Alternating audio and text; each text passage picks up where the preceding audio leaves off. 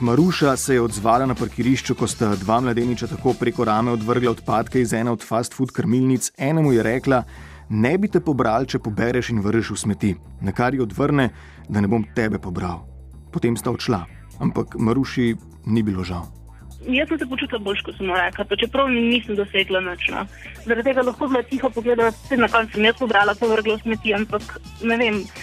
Želim, želim verjetno, da je potem vsaj malo pomislil tudi o svoji reakciji do mene, ker pač tam je frajer špilo pred kolegi, tako pa ne vem. no. Pobrala si in vrgla v koš. Ja, seveda, ja. Maruša.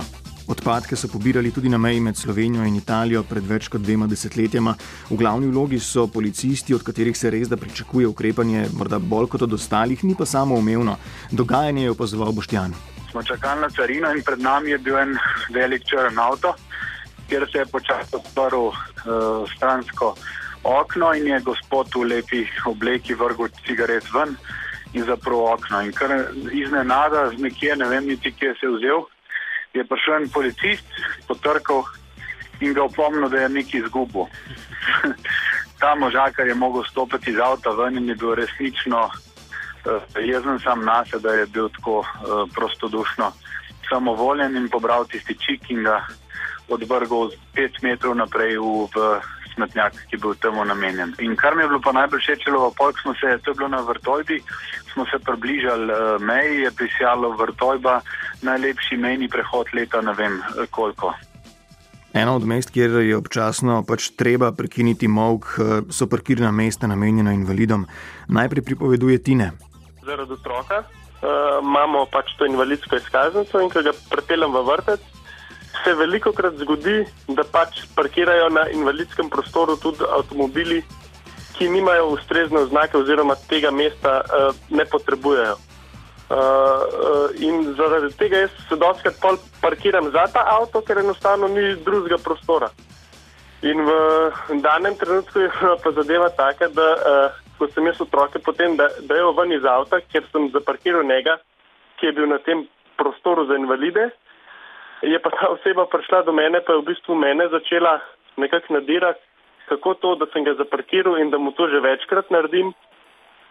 In sem enostavno šokiran, presenečen, da je sploh do tega lahko prišlo. Ne. Kako si, bom rekel, en lahko uh, sploh te tazga uh, reče, uh, namesto da se bi on upravičil, uh, ker parkira na ta mesto. Ne. Enostavno te stvari prezne, prezrem, nisem nikoli, bom rekel, nesramen, ampak enostavno povem lepo, kaj si mislim, probam biti čim bolj uljuden, zdaj pa na, na posameznikih važen, ali bo je to spremenilo ali ne.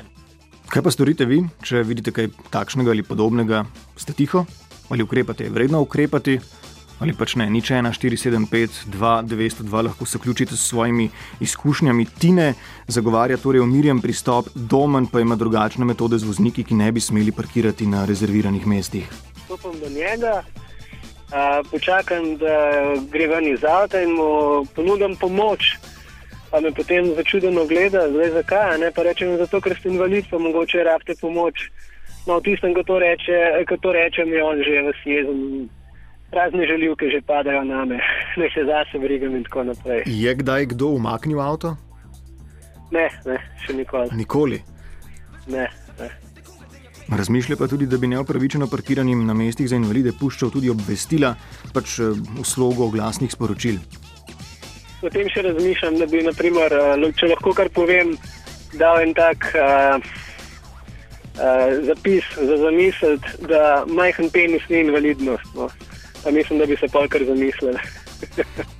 Podobno pestra je tudi Aljaževa izkušnja na semaforju pri rdeči usporedno ustavljenega voznika z gesto opozoril, ker je skozi okno odvrgal prazen cigaretni zavojček. Um, na kar ta mladenič um, odreagira um, precej nenavadno, stopi z avtomobila, um, začne hoditi proti meni, vas jezen, um, preklinja.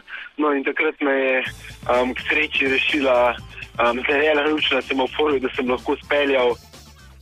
Ampak ta voznik je še nekaj kilometrov vozil usporedno z njim. Ja, ne vem, kakšne je imel namene. Um, jaz sem k sreči, k sreči potem um, zavil v neko stransko ulico, kjer je bil moj cilj, um, on pa se je odpeljal naprej. Ko si se ustavil, mogoče nekoliko pomiril, Vem, tist, tist, tisti razmislek bi še enkrat storil podobno, ne je bilo vredno. Kako si razmišljal? Um, ja, jaz mislim, da je bilo vredno. Um, ker verjamem, da tudi potem, ko se je ta um, mladenič malce pomiril, um, verjamem, da, da je malo razmislil o svoji gesti. Um, če ne, zdaj pa naslednjič, ko mu bo nekdo um, storil enako. Tako da bi to storil še enkrat, zagotovo. Smelo optimistično razmišljanje. A? Ja, tak sem po naravi. Tjaša je pred trgovskim centrom gospo opozorila na nakupovalni voziček, ki ga je pustila ob tujem avtu. Deležna je bila vulgarnega odgovora. Tjaša pogosto opozarja tudi v kinu, postopoma vse glasneje, če je treba. Še vedno se odziva v podobnih situacijah. Dogajanje z mikroravni aktivnega opozarjanja pa povezuje tudi z makroravnjo. Vem, da je zmeraj tako, da ko ti nekoga opozoriš, da je naredil nekaj narobe in če so priče zraven, se bodo, vsaj pri nas, imam tako občutek, um, postavili na stran tistega, ki se ga dubu s prsti v marmeladi. Res? Um, ja, ponovadi imam, se, se pravi, mogoče imam samo napačen občutek, ampak zmerno, recimo, zdaj, ok, mogoče zdaj je to čisto ena druga debata, ampak gledajte proti korupcijsko komisijo, ne? Koliko gneva se in gnoja se usuva po njih. Ne? Oni so pokazali na resen problem, ki ga imamo in ki ga imamo tudi zato, ker pogosto pogledamo stran. Ne? Začne se z majhnimi, ah, ne bom soseda več požaril, ne bom mu nič rekel, ne, če naredi kaj, ker točno vemo, da mogoče ni čist prav.